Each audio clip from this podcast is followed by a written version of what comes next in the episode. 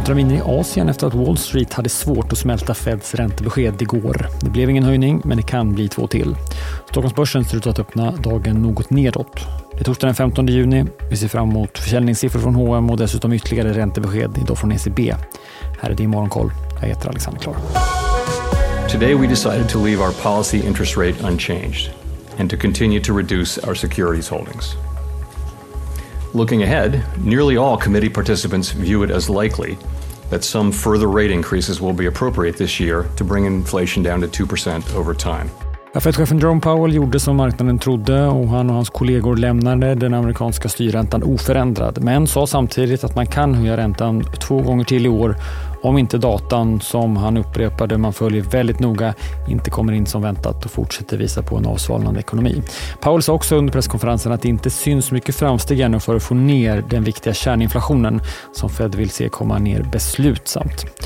Målet är att den amerikanska inflationen ska komma tillbaka till 2% Marknaden hade lite svårt att till en början tolka centralbanken. Det var ett något mer högaktigt besked än väntat.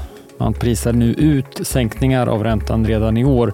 Amerikanska räntor kan vi notera steg. Tvååringen till 4,75, tioåringen till 3,83.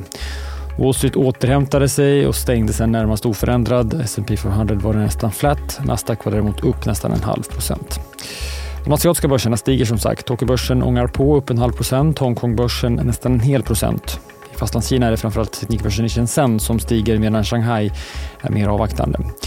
Den kinesiska centralbanken fortsätter att sänka sina räntor till skillnad från övriga världen. I natt så sänktes den ettåriga räntan med 10 punkter. Vi har också fått en hel del data från Kina under natten. Försäljningen i den kinesiska detaljhandeln ökade med nästan 13 procent under maj mätt i årstakt, vilket var något lägre än väntat och lägre takt än vi såg i april. Landets industriproduktion var också marginellt svagare än väntat men ökade med 3,5 procent i maj jämfört med samma månad förra året. Och arbetslösheten i Kina den uppmättes till 5,2 procent i maj, samma nivå som vi såg i april. Säg så, spelbolaget Betsson köper den belgiska sportspelsoperatören Betfirst. Totalt med tilläggsöverskillingar kan man betala 120 miljoner euro och köpet motsvarar en multipel om 10 gånger Betfirst estimerade ebitda-resultat i år. Dessutom gör Betsson ett så kallat strategiskt samarbete med en fransk kasinooperatör. Och inom samma sektor, betting, så har Catena Media valt att återköpa obligationer för drygt 8 miljoner euro. Något man gör för att stärka bolagets finansiella struktur, säger man. Volvo väljer nu att flytta sitt huvudkontor för affärsområdet anläggningsmaskiner från Göteborg till Eskilstuna. Nyheten spär på spekulationerna om att AB Volvo förbereder en särnotering av verksamheten.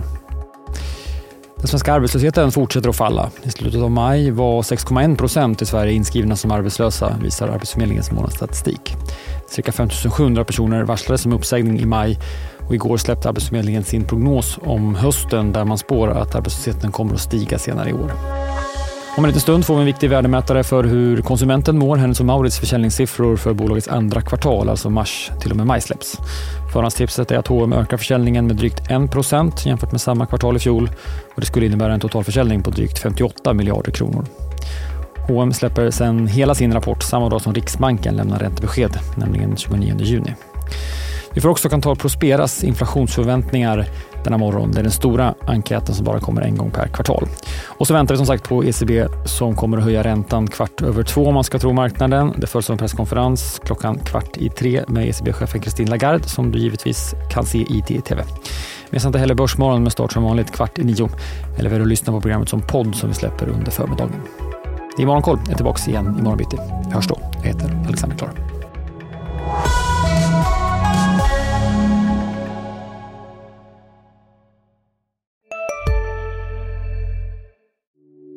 Hej, Ulf Kristersson här. På många sätt är det en mörk tid vi lever i. Men nu tar vi ett stort steg för att göra Sverige till en tryggare och säkrare plats. Sverige är nu medlem i Nato. En för alla, alla för en. Där det finns ett samhälle, där finns det brott. Krimrummet är podden som tar brottsligheten på allvar. Jag bjuder in landets ledande experter och tar upp aktuella rättegångsfall för att begripliggöra den kriminalitet som kryper allt närmare. Du, alltså, du kan knäcka ett eller några gäng, men det kommer komma nya och så kan vi knäcka dem sen. Men att du ska knäcka allt forever, det kommer aldrig ske. Det är infinite gain. Lyssna på Krimrummet, en podd från Expressen med mig Kim Malmgren.